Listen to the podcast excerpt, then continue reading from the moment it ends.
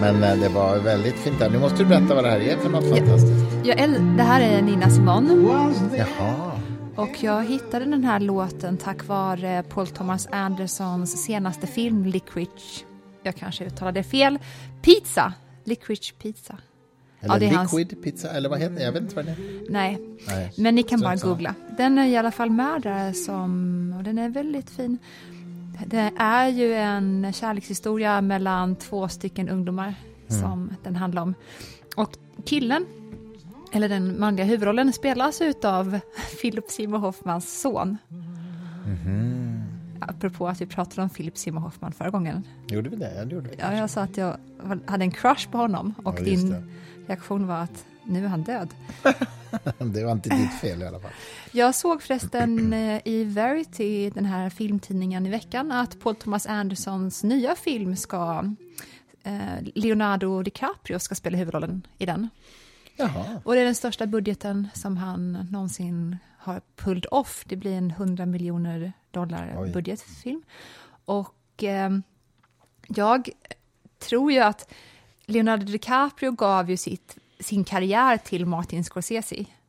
Han har ju varit med i kanske fyra, fem utav hans filmer.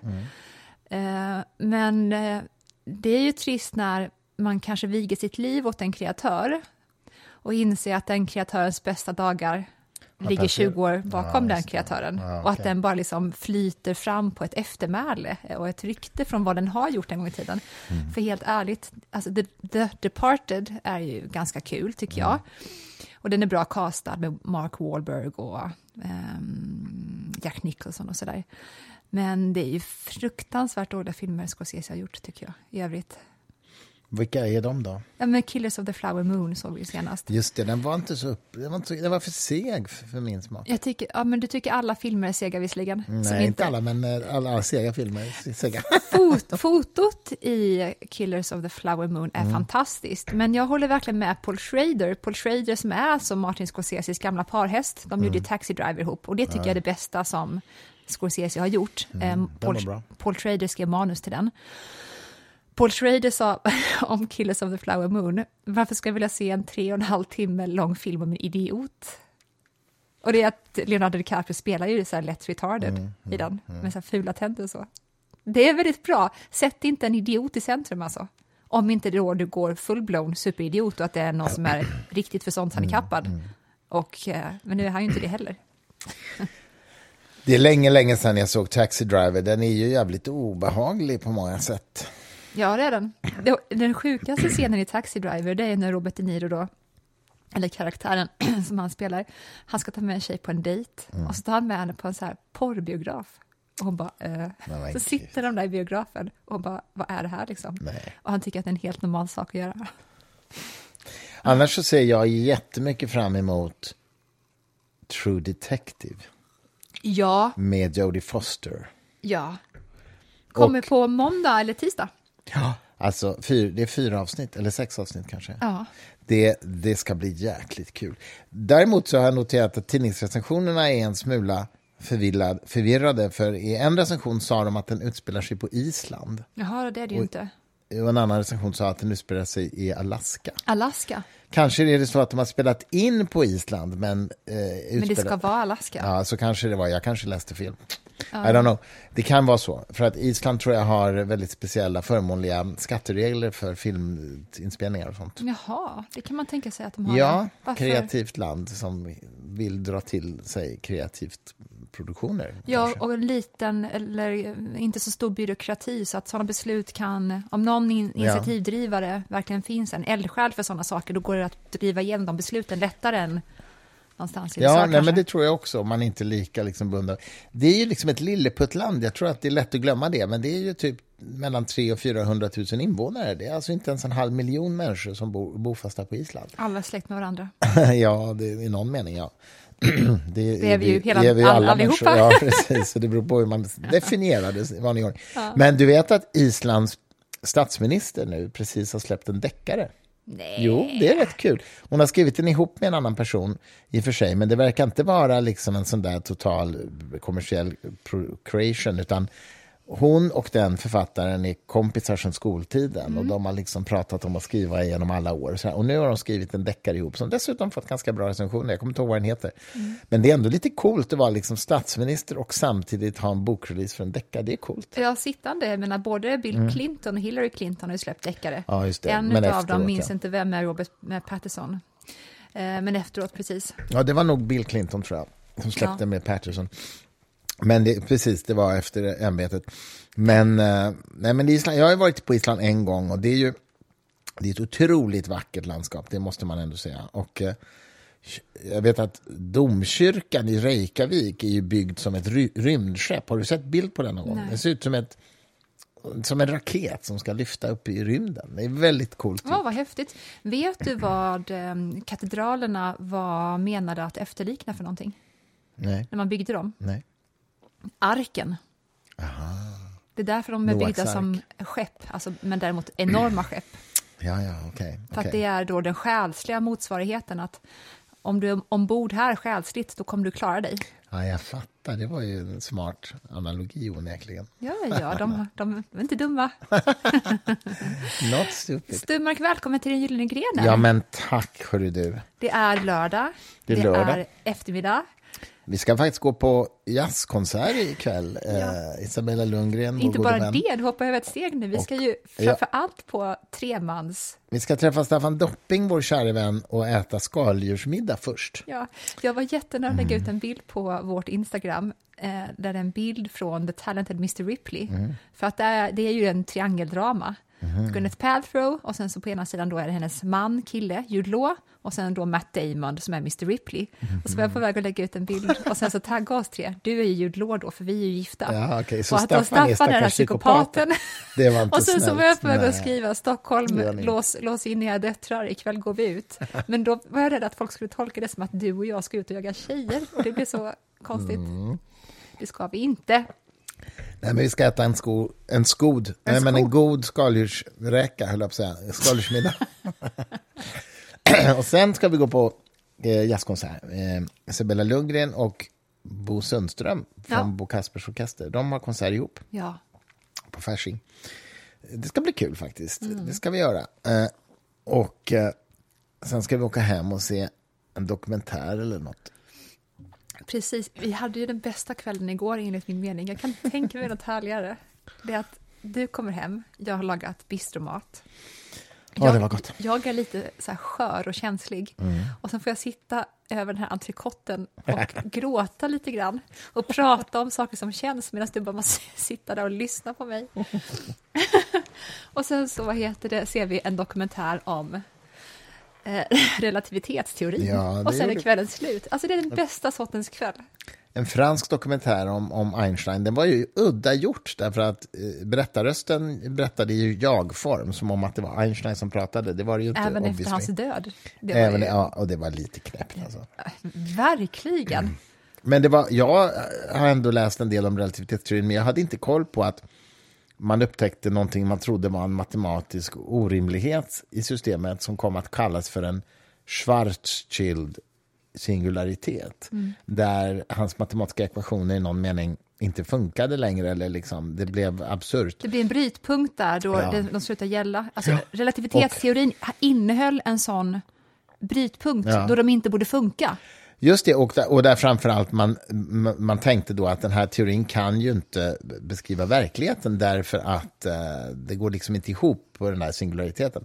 Och sen har man nu i efterhand förstått att den beskriver svarta hål. Det visste inte jag. Ja. Jag förstod inte kopplingen. Jag har Ja. aldrig begripit vad som kopplingen är mellan Einstein och svarta hål. Men det är ju alltså att relativitetsteorin innehåller mm, ett fenomen i rymden som man då inte kände till. Nej, för det var ju helt okänt så att säga. Ja. Men, det, det, men det motsvaras av svarta hål, precis. Och där, så att säga, den matematiska beskrivningen som man trodde var absurd och helt orimlig, den stämmer för svarta hål. Så fattar jag det Mm. Man trodde också att det var en eh, felräkning matematiskt, Ja. så att när Einstein är någonstans, detta är efter Berlintiden, när han har flyttat ifrån, Ja, och då är han ju världsstjärna ändå. Ja, just det, det är i USA. Då är det en pinsam eh, situation då en man ställer sig upp, matematiker, under Einsteins föreläsning och säger att du har räknat fel här. Mm, för, att då, för att om det skulle vara sant, då måste det innehålla en sån brytpunkt. Och vad skulle det vara för någonting? Ja, Men svaret var ju då, ja, svarta hål. Ja, ja, men så har jag fattat i alla fall. Jag hoppas inte någon fysiker lyssnar på det här och Verkligen inte. Stäng av i så fall. Fruktansvärda människa. Gå, gå härifrån. Men, nej, men det var jättekul faktiskt. Och, och, och att relativitetsteorin liksom fick en slags revival enligt dokumentären när man började förstå att det här motsvarade något verkligt. Sådär. Jag, jag har i och för sig alltid tänkt att har haft ganska hög status hela tiden när den väl accepterades efter Eddingtons solförmörkelse. Men what do I know? Det var i alla fall en bra dokumentär. Mm, det var det faktiskt. Det, man, måste, man glömmer ju bort, på samma sätt som att det är mycket drama i schackvärlden, därför att ehm, när man gör test, personlighetstest inom det här Big Five, ett utav dragen eller egenskapen som det här testet mäter, det är ju hur lätt man är att komma överens med. Eh, eller hur snarare låg tröskel man har inför att vara obekväm mot andra. Och där kan man ju säga att både du och jag har ganska lätt för att vara Ja. obekväma. Men Jag eh, har härjat lite med min sons skola. Jag ska inte gå in på några detaljer. Men du har härjat sedan du föddes. När skolan inte sköter sig så måste man säga ifrån som förälder. Och det det. har jag märkt att många föräldrar inte riktigt vågar. Om jag bara får göra en ut, liten utvikning. Det var intressant att den här situationen i veckan med skolan ledde till att jag reflekter, reflekterade över mitt egna beteende och hur jag omär, märkligt nog i hela mitt liv har trott att om jag bara är den som övervinner det här eh, motståndet inuti mig, som eh, det anpassliga är. Det anpassliga eh, bygger ju ett motstånd inför att vara den som spräcker stämningen, Ja, eller hur? det, ja. Men jag har alltid trott att ifall jag bara övervinner det här i mig själv och säger nu inför alla, men ser ni inte, så här är det, eller eh, kejsaren naken, då tror jag alltid att jag ska bli belönad. Ja, för nej, att jag tog mig... inte. Nej. Det blir man inte. Alltså, jag minns när jag gick en gång på en sån här Nicken, eh, ett möte. Nicken är ju ett internationellt företags, bluffföretag som säljer fake-produkter, typ så här virvlat vatten och magnetsulor. Virvlat vatten. Virvlat vatten, det ska, det ska vara magiskt vatten som är bättre än vanligt Coolt. vatten. Och magnetsulor som är, har någon magisk kraft som gör att man Ah. blir starkare och så här. Massa bullshit. Men det är, det är också eh, en bluff så tillvida att det är ett sånt här multilevel marketingföretag, du vet, när man ska värva säljare under sig och så får man då Man köper in sig säkert också på man någon köper, ja, man köper in produkter och så ska man sälja dem, men så ska man också värva nya säljare och då har man lite provision på vad de säljarna man har värvat har. Och om de värvar säljare i sin tur så har man provision då i flera led. Det är därför det kallas för multilevel marketing. Jag gick en gång på ett sånt möte i Stockholm för att jag ville hjälpa en, en, en bekant till mig som var osedvanligt lättlurad. Så jag ville gå och lyssna på det där. Och då märkte jag, jag ställde kritiska frågor till den som hade det där mötet och då trodde jag att de här, alla som var på det mötet var ju nybörjare, de hade gick första gången. Jag trodde att de skulle tycka det var bra att jag ställde kritiska frågor, men det var ju inte så. Utan de som satt där på samma villkor som jag var där, de tyckte ju bara jag var jättejobbig som ifrågasatte. Och det är ganska intressant grupppsykologi. Det är skitläskigt. Och jag minns speciellt det jag sa till honom, den här mannen då som hade mötet, ledde mötet, där han sa att eh, han sa så här att det här är så himla bra system därför att när man handlar saker i affärer så finns det massa mellanhänder. Det finns en grossist som lägger på pengar och så finns det en butik som lägger på pengar som har köpt in en vara och säljer en dyrare. Men här är det direktförsäljning. Och då sa jag så här, ja men du har ju just berättat att det är multilevel marketing, att det är flera olika nivåer. Varje sån nivå innebär ju att någonting har lagts på, liksom ett pris. Det för att det är många som Eftersom- ska ha avkastning. Exakt, eftersom jag får provision på de jag har värvat, så de pengarna kommer ju ifrån priset på produkten.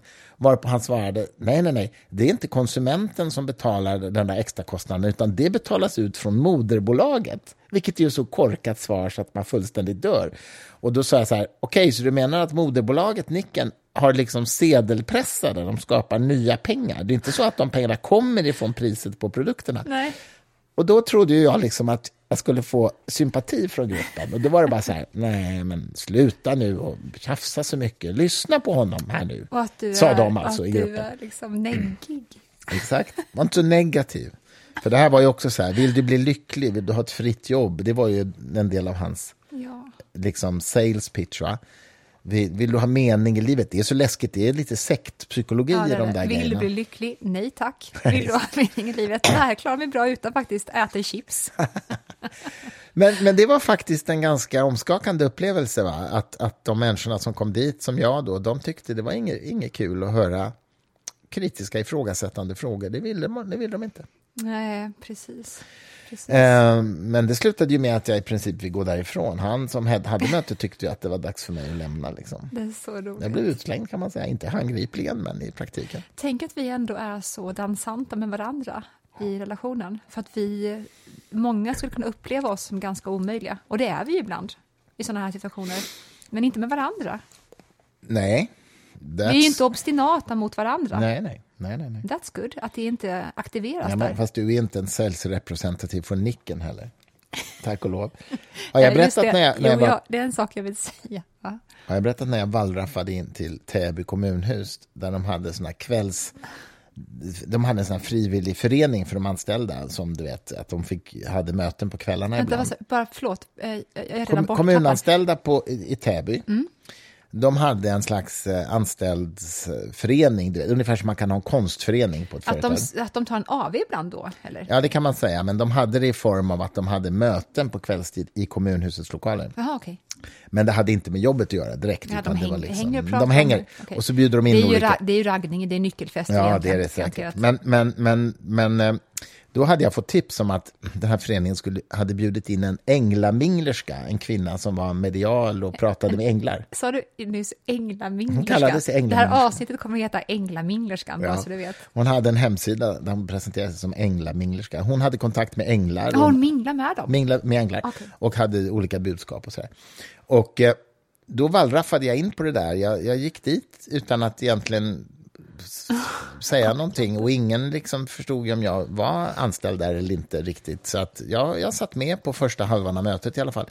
Och den här änglaminglerskan hon hade en föreläsning om andevärlden och änglarna och sådär och berättade om att bland annat att människor reinkarneras och eh, om man föds med någon form av liksom, heter det, handikapp eller sjukdom och sådär så berodde det på att man hade gjort något i sitt tidigare liv. Det är Att alltså det är den någonting du behöver lära dig i det här Ja, livet mm, det är det, den som här det klassiska karmaläran, liksom, att man återföds i sämre tillstånd om man har begått eh, dumheter, så att säga.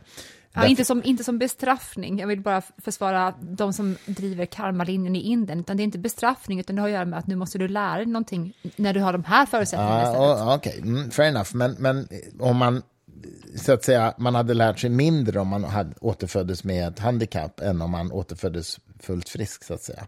Då hade man, min, då hade man kommit längre, menade Jaha, hon. okej. Så att det var det, ka- kanske inte bestraffning, men det Jävligt var ändå hårt. en konsekvens av att man inte hade riktigt skött sitt lärande i det tidigare Det är en livet. märklig darwinism i det. Ja, ja, ja, men absolut. Alltså, det är ju en vedervärdig eh, pseudovetenskap. Eller det är inte ens pseudovetenskap, det är ju bara dumheter. Men i vilket fall som helst. Och detta föreläser hon då inför människor som jobbar i socialtjänsten och med sjuka och sådär, vet du. Och jag hade ju kamera med mig och, och sådär och tog lite bilder. Och då, när det var kaffepaus mitt i det här, då började ju folk fråga vem jag var.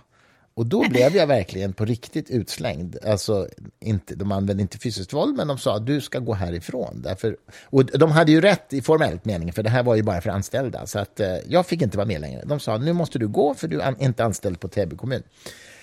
Och sen fick, jag, sen fick jag någon dag senare ett mejl från någon av de här arrangörerna som var så jävla arg. Hon skrev så här, hade jag fattat att du var där och liksom snokade så hade jag slängt ut genom fönstret, skrev- den här personen. Oj. Vilket jag då vidarebefordrade till kommunchefen och sa att är inte det här olaga hot?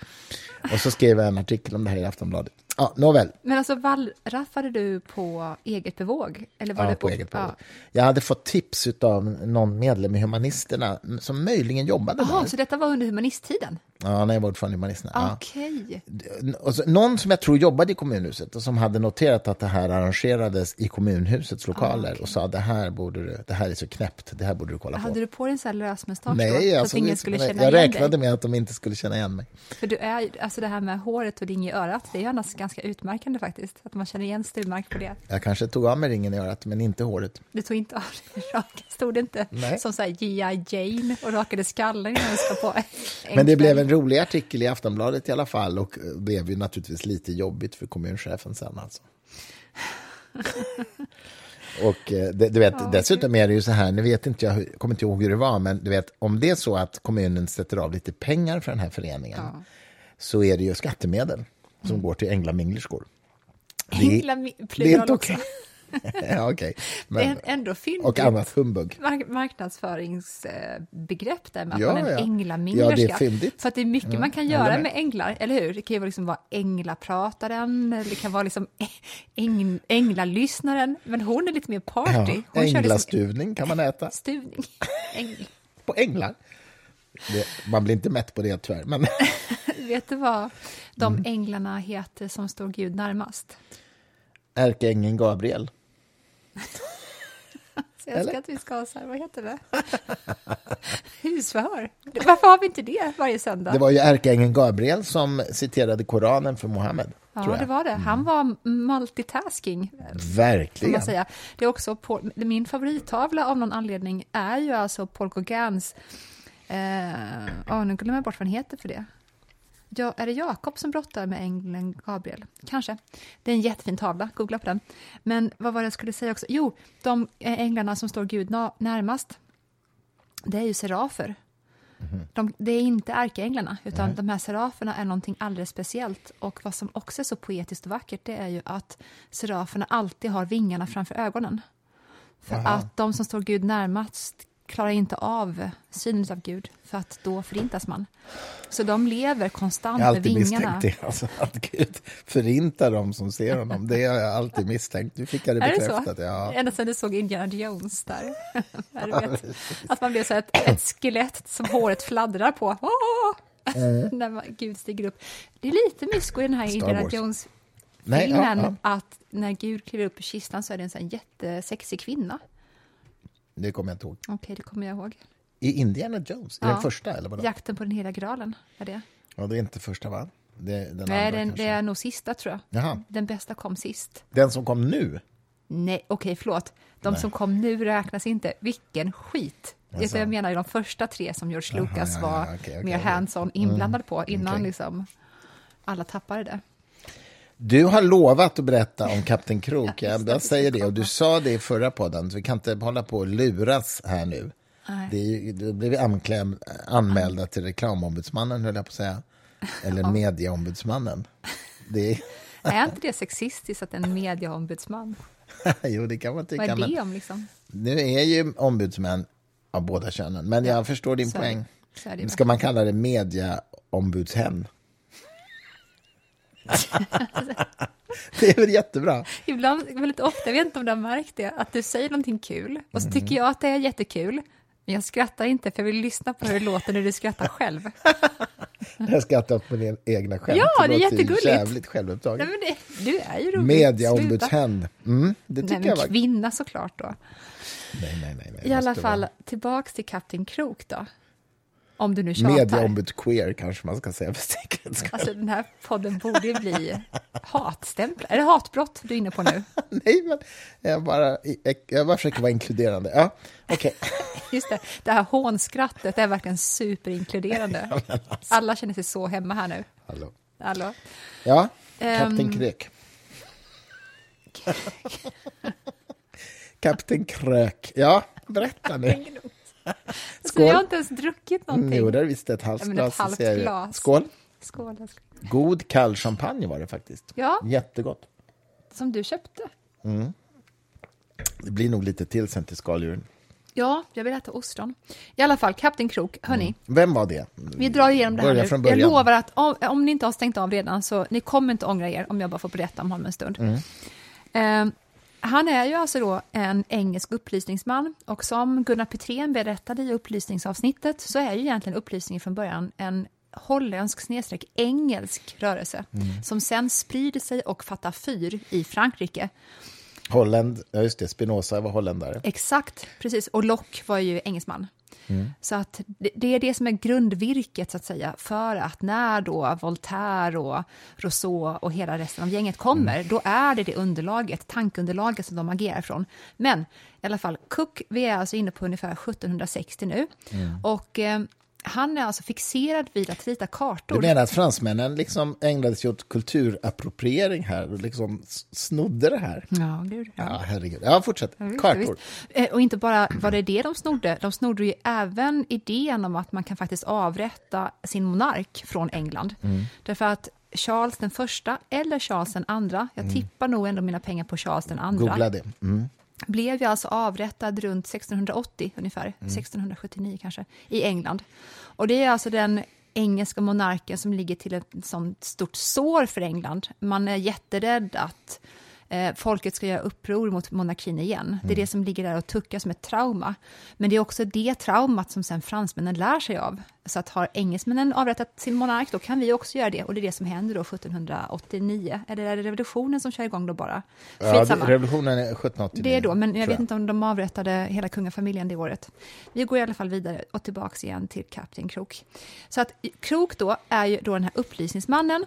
Han är besatt av att rita kartor. Han är förmodligen den mest autistiska vi har pratat om i vår podd hittills. Och det var det som jag på ett felaktigt sätt försökte säga till Gunnar Petrén i upplysningsavsnittet att nej, han tafsade inte på någon, han var nämligen jättetråkig. Vad jag menade var ju egentligen bara att han var extremt inåtvänd. Han satt ju alltså all vaken tid vilket var osunt länge också för att han sov väldigt lite. Och bara liksom höll på med sina grafer, kompasskartor. Han var besatt utav det.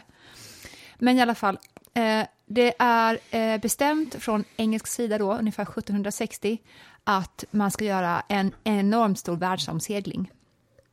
Man ska vara borta i hur lång tid som helst. Cook får i uppdrag utav eh, kungen, minns inte vem, George kanske, att då vara chef och befäl över en båt som ska då Eh, utgå från England och resa till Sydamerika, som då såklart inte heter Sydamerika. Och då är det så att det är väldigt roligt och underhållande att läsa om vilka besättningsmedlemmar som var med och hur de valdes ut och sådär. Men den, mest ihåg, den man kommer ihåg mest är ju då andre styrman som är Banks som jag pratade om i förra avsnittet lite grann. Och eh, Banks är ju då en, en Mikael Persbrandt-figur lite grann. Han är, eh, förlåt, förr då, Mikael Persbrandt förr. Han eh, gillade flaskan, han gillade tjejer, han hade väldigt hög röst, han var väldigt karismatisk. Och det beskrivs väldigt underhållande eh, ögonvittnesskildringar från hur Banks sista möte med sin fru blev innan Banks gick på båten. Och det är att de står liksom skriker på varandra på kajen, bråkar som tusan därför att han har betett sig olämpligt mot någon tjej i liksom går. Då är det liksom, de ska vara ifrån varandra i kanske 17 år, 15-17 år och det, ett, ett bråk blir farvälet. Ja. Ombord på den här båten finns också en get. Och den här geten är alltså en ökänd get som Cook själv har letat efter i ungefär ett halvår. För att Cook vet att den här geten är otrolig på att producera mjölk och under den förra världsomseglingen som inte Cook var med på då, då lyckades den här geten förse hela besättningen med mjölk under resan och kom tillbaka till England igen. Så Cook har alltså gjort något sånt här arbete för att hitta rätt get och ta med den ombord på båten. Så off they go, en stor besättning av engelsmän. Det är Banks som är vicechef och det är Cook då som är den stora, stora kaptenen. Och ehm, de seglar alltså då långt, långt, långt mot det som då är Brasilien. Och det är en gripande sak som händer på den resan och det är att när de närmar sig, man kan se land, då är de också uppe i en så pass hög fart och man vet inte heller hur grunden ligger riktigt. Och då är det alltså så att eh, en ung pojke, jag minns inte vad han heter nu, men han är alltså bara 14-15 år gammal, ramlar över bord och ner i vattnet. Och eh, då förstår alla omedelbart att hans liv går inte att rädda, för att de befinner sig i en sån pass hastighet på så osäkra vatten så de kan inte vända.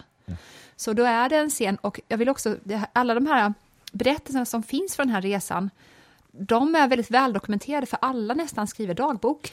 Ja, just det. På, just det, på skeppet. Ja. Ja, Mm. men Cook skriver själv i sin dagbok då, från den här incidenten, hur han står där eh, längst bak i båten och bara har ungefär ögonkontakt med pojken.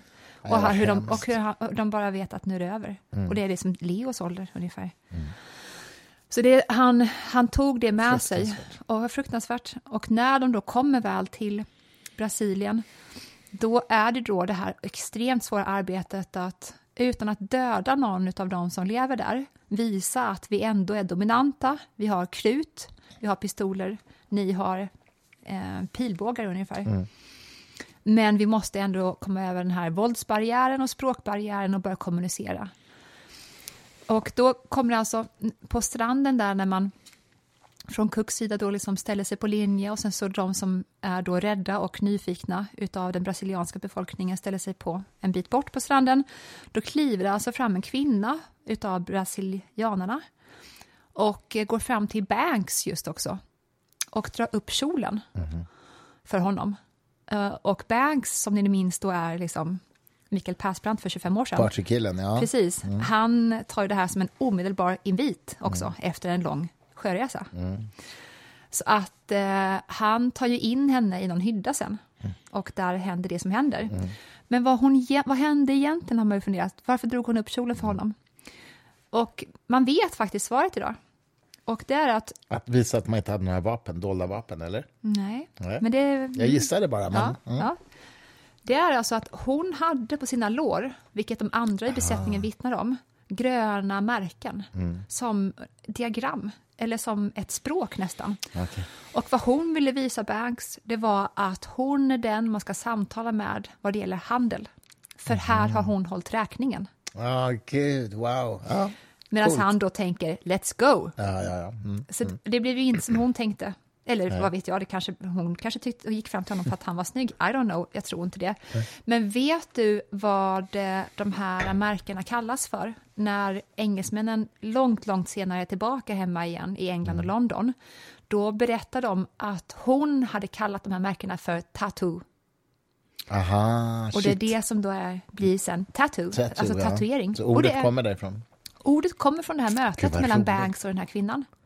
Det var coolt. Ja, jag vet, jag vet. Så i alla fall, de, eh, utan att det blir någon som dör och det blir eh, eh, inget krig i alla fall. Jag gissar att det händer massa hemska sexuella övergrepp från engelsmännens sida. Men eh, när de sen ska ge sig av från Brasilien och åka vidare, då är det en eh, man från den här, eh, nu höll jag på att säga inföding igen, men ja, som går fram till Cook och är helt desperat och lyckas få fram kommunikativt att ni måste ta er med mig. Jag måste få följa med. Och det här är ju så intressant tycker jag att av alla de som de träffade, de hade också möjlighet att springa fram och säga låt mig följa med. Men en person är av anledningar som man kan diskutera i evigheter om genetik och kult- kulturella omständigheter och hur vi blir som vi är. Han är så pass mycket, han har så mycket äventyr i sig och han kanske också hade, vad vet jag, hemska hemförhållanden, I don't know. Så att han ändå ber om att få ta, åka med. Och då vet ju han att jag kommer aldrig återvända hem igen. Jag lämnar min mamma, min pappa, mina syskon, eventuellt min fru och barn också. Men jag måste få se världen. Det är så starkt i honom. Det var häftigt. Så de tar med sig honom. Och eh, sen börjar den stora, stora seglatsen då som fortsätter alltså så att de till slut hamnar i eh, Nya Zeeland. Och där är ju då det här märkliga fenomenet att när de eh, närmar sig med båten då så ser de människor på stranden. Det är barn som kommer ut i skogen med någon som ser ut som en mormor ungefär. De har samlat ved. Men i Nya Zeeland så är det alltså inte en enda person på stranden utav den inhemska befolkningen som bryr sig om skeppet. Och det är ett sånt otroligt mysterium som inte jag begriper. Jag tycker det är hisnande. Inte ens när de liksom lägger till så är det någon som går fram och säger vad är det här? Eller tittar upp. Banks beskriver till och med hur alltså en äldre kvinna ihop med sina barnbarn tittar upp på skeppet och sen så sätter de sig ner och gör eld och gör det som, det ser ut som de gör det de alltid gör. Varför då?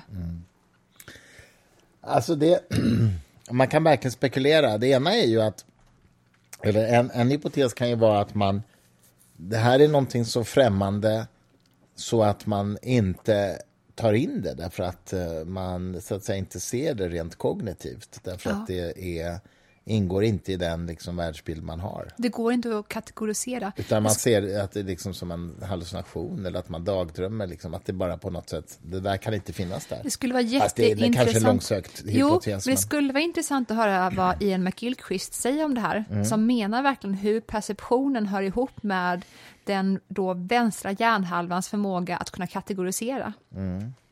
Men det som talar emot det, det är ju att de såg dem i Brasilien utan problem. Ja, och att det ja, skulle vara något specifikt då för just... Vi vet i alla fall inte vad det här beror på. Men sen händer eh, det märkliga. Och det är alltså att när de... Vänta, jag måste bara tänka så att jag säger rätt ordning på det här nu. När... Jo, så är det. När de då kliver i land, då har de med sig den här inhemska brasilianaren. Och eh, de börjar avfyra saker. När de väl kliver i land, då börjar Nya Zeelandarna att avfyra saker mot dem. Varpå då de bara skjuter i luften och visar att vi har, vi har krut och det här kommer slå er. Och de skjuter också någon i armen, så de ger sig direkt. Och sen skickar de fram brasilianaren. Och det mest otroliga är att han kan göra sig förstådd mot nyzeeländarna. Att de delar tillräckligt många ord i sitt språk så att de kan kommunicera. Men då måste de ju ha haft kontakt tidigare. Det är ju så. Det är ju ett, Det är ju nödvändigt så att säga. det är absolut. Men det skapar också en skälvning hos engelsmännen som visar att det här med världsomsegling, vi är inte först med det, utan den här rutten som vi har åkt har man åkt tidigare, för många, många hundra år sedan. Ja, På något vis har det ändå skett. Och man tänker då i modern tid att, att vara på 1760-talet och åka en så pass lång resa, otroligt. Men den här språkbarriären som övervanns så pass fort är ju ett tecken på att det gjorde man för många hundra år sedan, Mm. dessförinnan. Det är, fan, det är hisnande. Det är verkligen hisnande. Mm. Finns det här, alltså finns hans reseberättelser nedskrivna Ja, då? visst. Ja, precis. Ja, visst. Inte bara Cooks, utan Banks och flera från besättningen Mm. också. Jag tänker osökt på vår svenska äventyrsman, eh, slutet av 1800-talet, början på 1900-talet, Sven Hedin. Han reste ju också jättemycket i världen och dokumenterade möten med ursprungsbefolkningar. Och han var i Tibet och han var ju liksom i ehm, eh, ja, jag vet inte var han var överallt. Men, och han var ju dessutom otroligt duktig tecknare. Så att han tecknade ju av, alltså jag, jag har ju sett när han tecknade av, han, han berättade till exempel om någon äldste man i någon liksom by någonstans, verkligen, verkligen eh, ursprungsbefolkning som han då blir jättegod vän med och han lever med dem i flera månader. Liksom, och, sådär. och han tecknar av honom otroligt fint liksom, blyertsteckningsporträtt så att säga. Så att det är ganska coolt i en tid när han inte hade kamera och sådär eh, så kunde han ändå dokumentera det här. Eh, du vet, Nils Uddenberg har skrivit en jättefin biografi om Sven Hedin. Jaha, ja, är det den senaste som Nils har skrivit? Ja, precis. Just det. Och eh, sen hade ju Hedin en del tveksamma liksom, Ja, politiska åsikter också. Just det, för att hela tiden så ringer någon klocka när du berättar om Hedin. Vad var det som inte var toppen med Hedin? Han hängde med nazisterna under andra världskriget. Det är inte bra. Ja, det är inget bra. Han var ju då så pass gammal så att han så att han liksom var tillbaks. Jag vet inte om han reste på såna här upptäcktsresor då riktigt, men han var ju en, en, en, en vad heter det, stor berömdhet i Sverige. Liksom.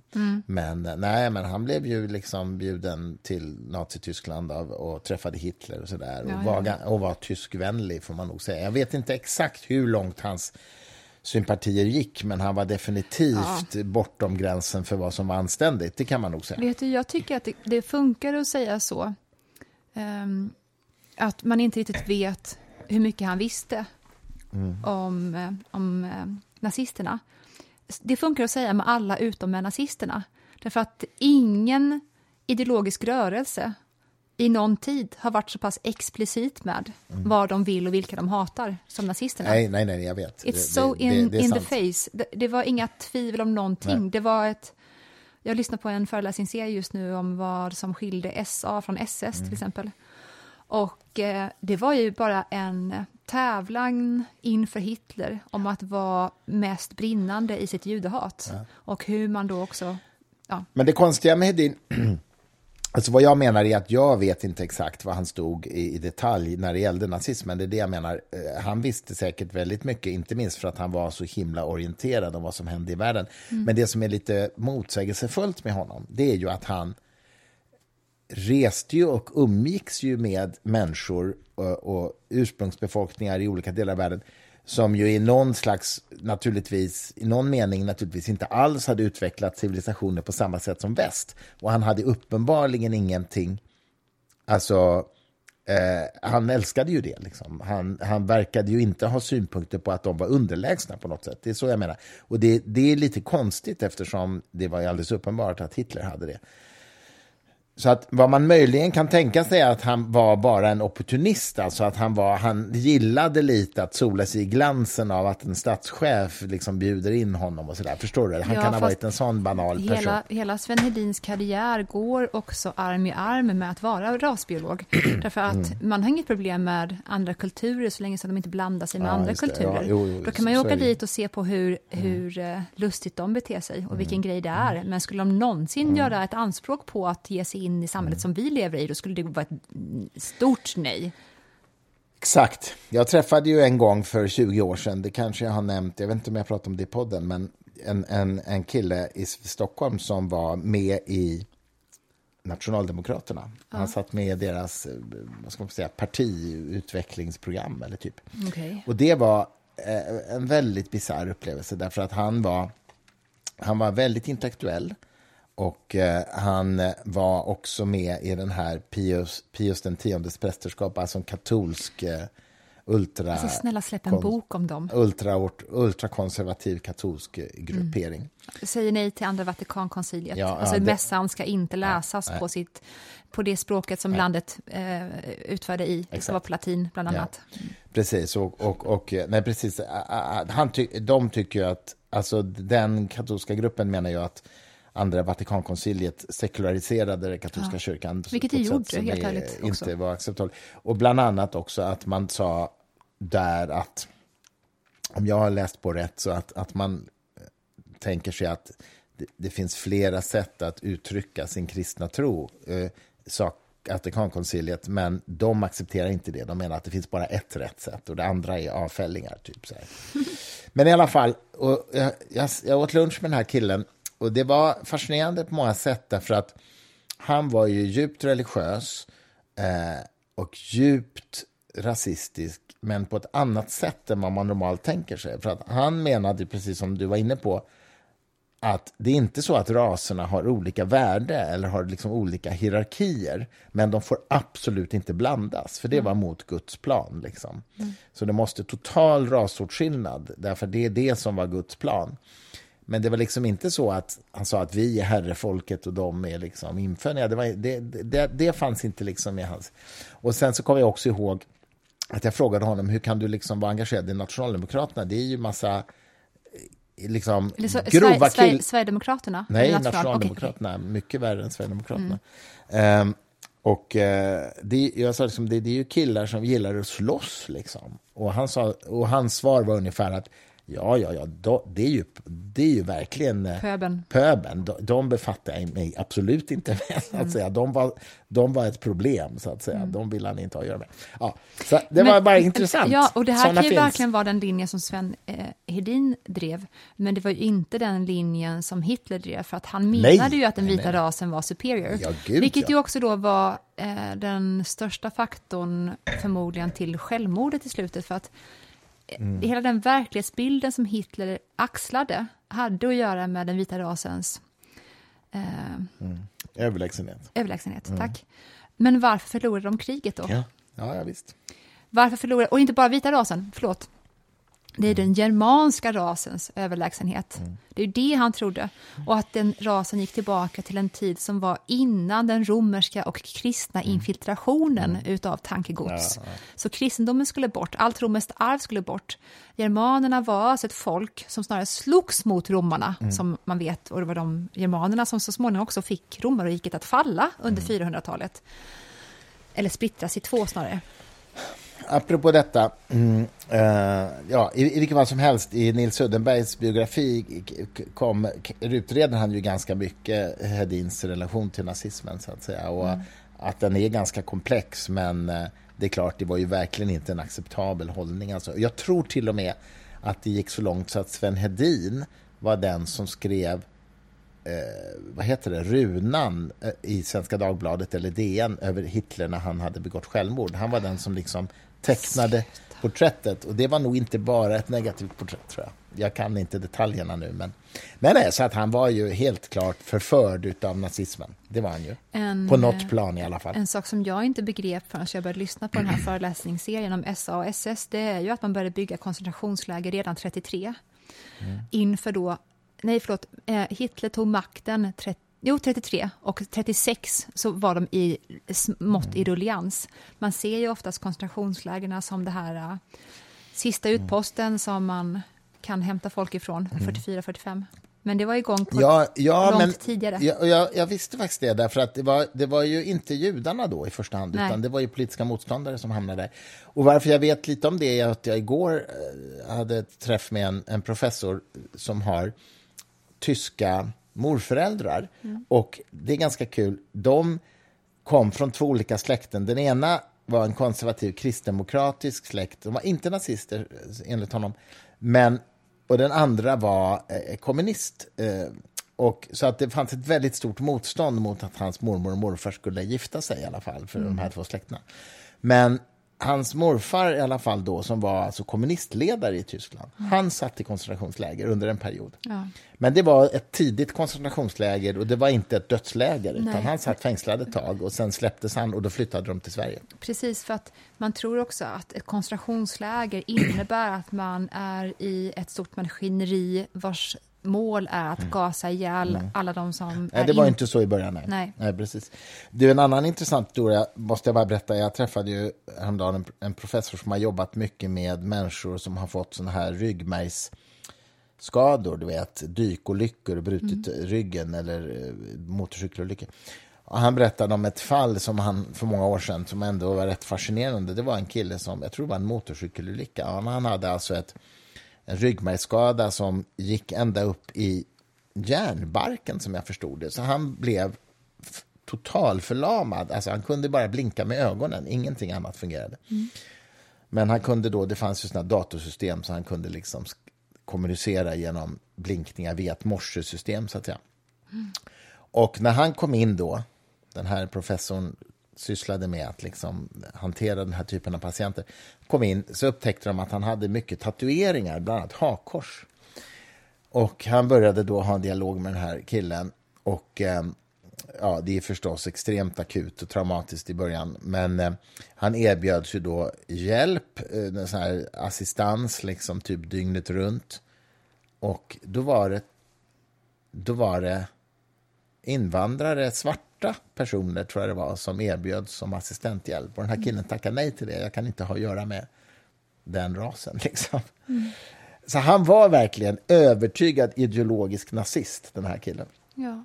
Och, eh, och, han, och han sa då till den här läkaren, numera professorn, att eh, ja, jag har verkligen en syn på människors kraft och duglighet och, och när man, är, när man liksom inte duger så att säga så har man inte i systemet att göra. Så jag ska inte leva vidare. Jag vill avsluta mitt liv på en självmordsklinik i, i Schweiz. Och de kom fram till då att, att ja, det var nog det bästa. Alltså, det liksom. här är fan det mörkaste. Jag vet, det är otroligt mörkt. Men han gjorde det. Han avslutade sitt liv, den här killen. Vet du, ja, ja. Drömmen hade ju varit att, On han, att, han, att han inte får det, utan att han måste bli omhändertagen av dem han föraktar. Ja, jag vet. Det hade varit en lärdom. Men lärdomen var nog så tung att bära. Alltså. Han kunde, skulle aldrig mer kunna röra sig. Det beror på hur länge som man är i den lärdomen. Alltså han smet ju från Ja, smet från tillståndet. den, ja. Har du läst förresten det här som jag skickade till dig? Nu ska vi inte, inte gå in i Nej, dödshjälpdebatten, det men, men har du inte. läst om att i Kanada att man just nu ser över att man ska få hjälp till dödshjälp eh, om det är bara psykisk ohälsa du lider av? Mm. Kommer du ihåg, såg du att jag skickade det till dig? Ja, jag vet, jag vet. Och det, ja, What precis. Mm. the fuck? Det finns ju den, de svenska debattörerna förespråkar ju det som kallas för Oregon-modellen och den är ju väldigt restriktiv och jag kan mycket väl tänka mig att man kan ha en legalisering som går alldeles för långt. Ja, precis. Och Mm. det är det som många i Sverige eh, och överallt är rädda för, att om man börjar med ett steg, Mm. kanske det så småningom slutar. Om vi börjar med Oregon-modellen, kanske det bara är öppningen för nästa port. Mm. Ja, visst. vi ska inte fastna här nu alls, vi ska snarare avsluta hela Cook-samtalet. Ja, Därför är det mer, more to come? Cook kommer ju så småningom tillbaka till England Mm. efter många, många år borta. Eh, och då så, de flesta i besättningen har överlevt, alla återförenas med sina, sina, de som de är gifta med. Banks återförenas med sin missnöjda fru. Ah, Jag skulle rekommendera henne att inte ligga med Banks efter den re- resan, Exakt. eller hur? Eh, Cook återvänder till sin fru som han har varit trogen och härlig mot, barnen är lite större och han skriver sina memoarer. Men då får man alltså som kapten eh, ge ut en eh, hedersbetygelse till någon som har varit ombord på det här fartyget. Och vem ger han då den här medaljen till, som det, som det ingår i också? Brasilianska killen kanske, som åkte med? Nej. Fåret. Nej, men. För att Får. det var verkligen så. Det här äh, fåret som Cook letade efter jättelänge, Mm. Det, det var ett toppenfår. Det gav dem mjölk under resan, år ut och år ut. Så Ja, det här fåret Ja. får alltså sluta sina dagar på en jättehärlig landsbygd där den har så typ en rosett runt halsen hela tiden. Den får äta den bästa maten konstant. Och när fåret så slut, till slut går bort, då skrivs det alltså dikter och dödsrunor i alla tidningar för att vara så här, tack för att du vara med, våra tappra, tappra sjömän i upptäckandet av världen. Det, apropå Cook som var besatt av kartor, var det inte Borges som skrev en sån här äh, absurdistisk roman om det här projektet, det här äh, detaljsträvan-projektet, att nu ska vi göra en karta i skala 1 till 1 för att den ska vara så exakt som möjligt. Vilket ju faktiskt är intressant apropå vad vi brukar prata om det här med att inte förväxla verkligheten med, med kartan eller med beskrivningen. Nej, men med beskrivningen. Ja, territoriet. Beskri- Ja, okej. Ja, i alla fall, så, så det finns en roman som bygger på den idén, liksom, att när strävan efter att beskriva verkligheten så exakt som möjligt, då Mm. måste man ju ha en karta som är ett till ett för att få med allt. Och vad är det man gör då? Ja, man, vad ska man ha den? Liksom? Det är ganska roligt Det faktiskt. låter som han, jag har inte läst en bok av Nej. Men det låter som en jätterolig idé. Det låter visserligen också, visserligen också som en bok då jag eh, hade haft lika kul att du bara berättade idén för mig och sen är det Ja, klart. jag vet. Du, champagnen är slut, så vi måste tyvärr sluta nu. Ja. Får vi höra lite mer på Nina Simon kanske som avslutning, eller? Vad säger du? ja, det får vi, men det känns som att det Eller ville vi så... prata mer? Ah, nej, det, vi, ja, vi ska åka snart nu också. Ja, det ska vi. Men eh, ska vi ha något sånt där om... Vänta, ah, jag åker till Småland på tisdag. Nej, Ja, just det. På tisdag. Hur ska vi göra då? Ja, det beror på när du kommer hem igen. På söndag? Jaha, ja.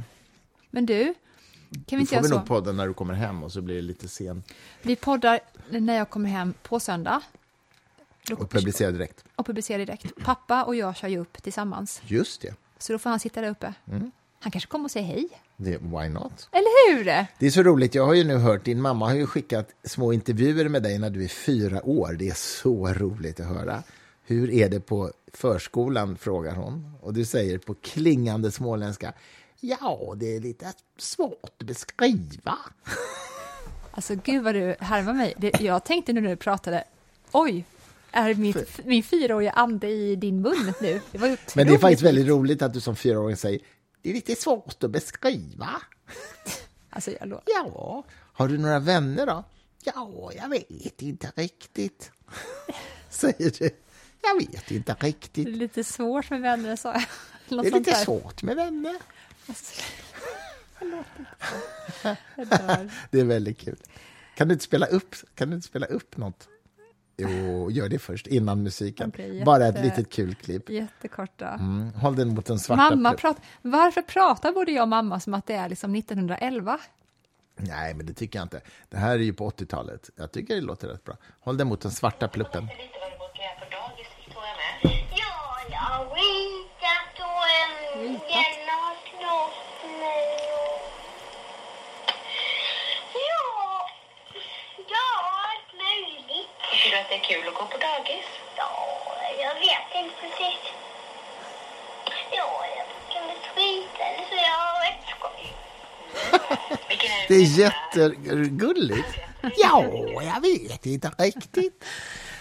Ja, sen, Okej. Det är ju väldigt spännande också att jag berättar om det här, för att hon frågar ju sen om, nu ska inte jag säga den här personens namn, eh, är han kul att leka med? Och jag bara, ja, han försökte putta ner mig i nässlorna. och sen så vet man ju om att det blev ju fullständig galenskap där sen. Att det visar sig väldigt tidigt, ofta, ifall Mm. det inte står rätt till. Han spårade ur sen i vuxenlivet, ja. Det kan man säga. Men Okej. det tar vi inte. Och inte någon annan inte gång heller. Älskling, vad ska du ha på dig ikväll? Berätta lite för oss, hur du, eller för mig, hur du ska se ut medan jag hittar musiken här. Jag ska ha en För det är alltså trett, det är någon form av... 13-dagsaftonskonsertert. Är det trettondagsafton idag? Nej, men jag ska ta min... Ja, det är, det är trettondagen idag. Mm, jag vet. Förlåt, va, förlåt, vad sa Jag du? ska ha min olivgröna kostym. Ska du? Och svart polotröja. Ja, Kan, inte du ha, kan inte du ha så här skjortan mycket uppknippt? Nej, svart Uppknippt? polotröja. Ska du det? Ja, det blir det. Vad var det där för något?